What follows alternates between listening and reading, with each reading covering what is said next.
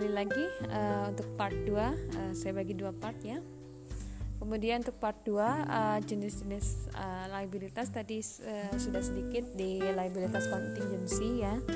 Nah, uh, yang pertama tadi kewajiban lancar atau uh, sering juga disebut hutang gitu ya. Karena dia uh, current liabilities harus dibayarkan dalam jangka waktu kurang dari setahun Uh, kemudian yang kedua kewajiban kontingensi atau utang potensial.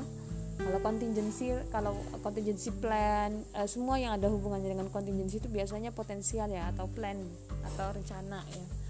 Jadi dia belum terjadi uh, utang potensial yang keberadaannya bergantung pada peristiwa masa masa mendatang.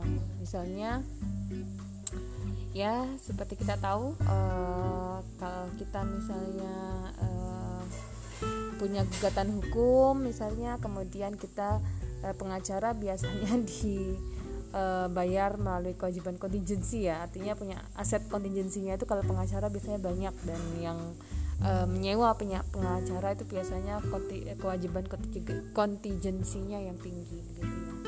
Atau garansi produk. Nah garansi produk juga adalah kewajiban kontingensi jadi kalau industri atau perusahaan-perusahaan elektronik biasanya mempunyai uh, uh, apa di laporan keuangannya ada pos uh, kewajiban kontingensi yang cukup besar biasanya untuk mengcover garansi produk.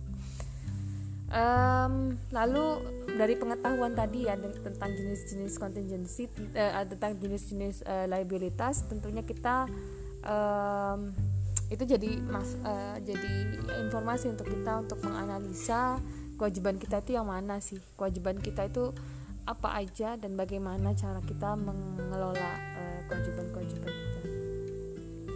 Yang pertama adalah kewajiban liabilities adalah salah satu dari laporan keuangan uh, satu satu aspek ya satu hal. Jadi ada aktiva ada pasiva pasiva itu liabilitas.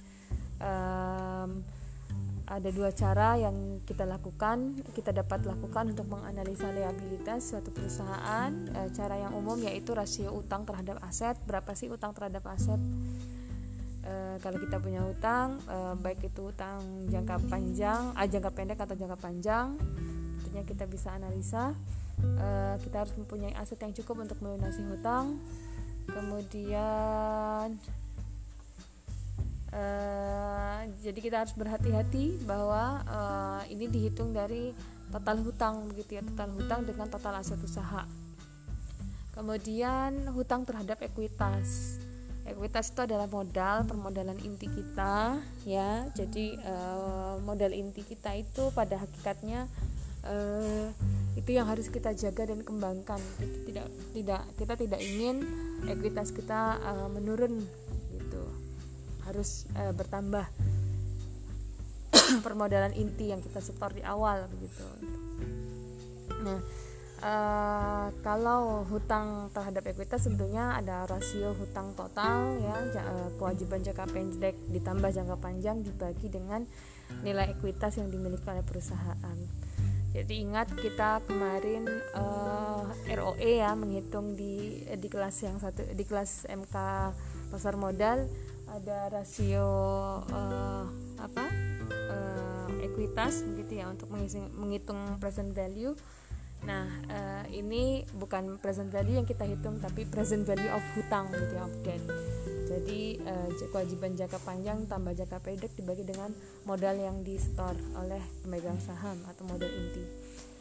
Uh, contohnya tentunya kita harus membuka laporan keuangan. Banyak sekali uh, silahkan buka uh, laporan keuangan biasanya kalau uh, laporan keuangan perbankan tentunya kita melihat uh, jenis liabilitas yang lain. Kalau di retail di, produ produksi atau manufacturing itu tentunya liabilitasnya lain. Um, jadi yang ingin digarisbawahi adalah liabilitas uh, kita harus mena apa ya mentotalkan liabilitas jangka panjang dengan liabilitas jangka pendek itu totalnya harus sama dengan ekuitas. Kenapa? Karena kalau tidak sama pasti ada salah hitung gitu ya. Ada salah hitung. Liabilitas tanggung li, karena liabilitas itu adalah tanggung jawab kewajiban keuangan suatu perusahaan. maka uh, sementara ekuitas itu adalah modal yang kita gunakan untuk uh, untuk uh, beroperasi begitu. Jadi jumlahnya harus sama. Uh, itu itu dulu. Uh, untuk episode uh, atau untuk part 2 ini cukup pendek. Um, saya beri uh, uh, apa um, contoh ya. Contoh laporan keuangannya nanti akan saya share uh, uh, ke teman-teman terima kasih semua uh, atas perhatiannya. Assalamualaikum warahmatullahi wabarakatuh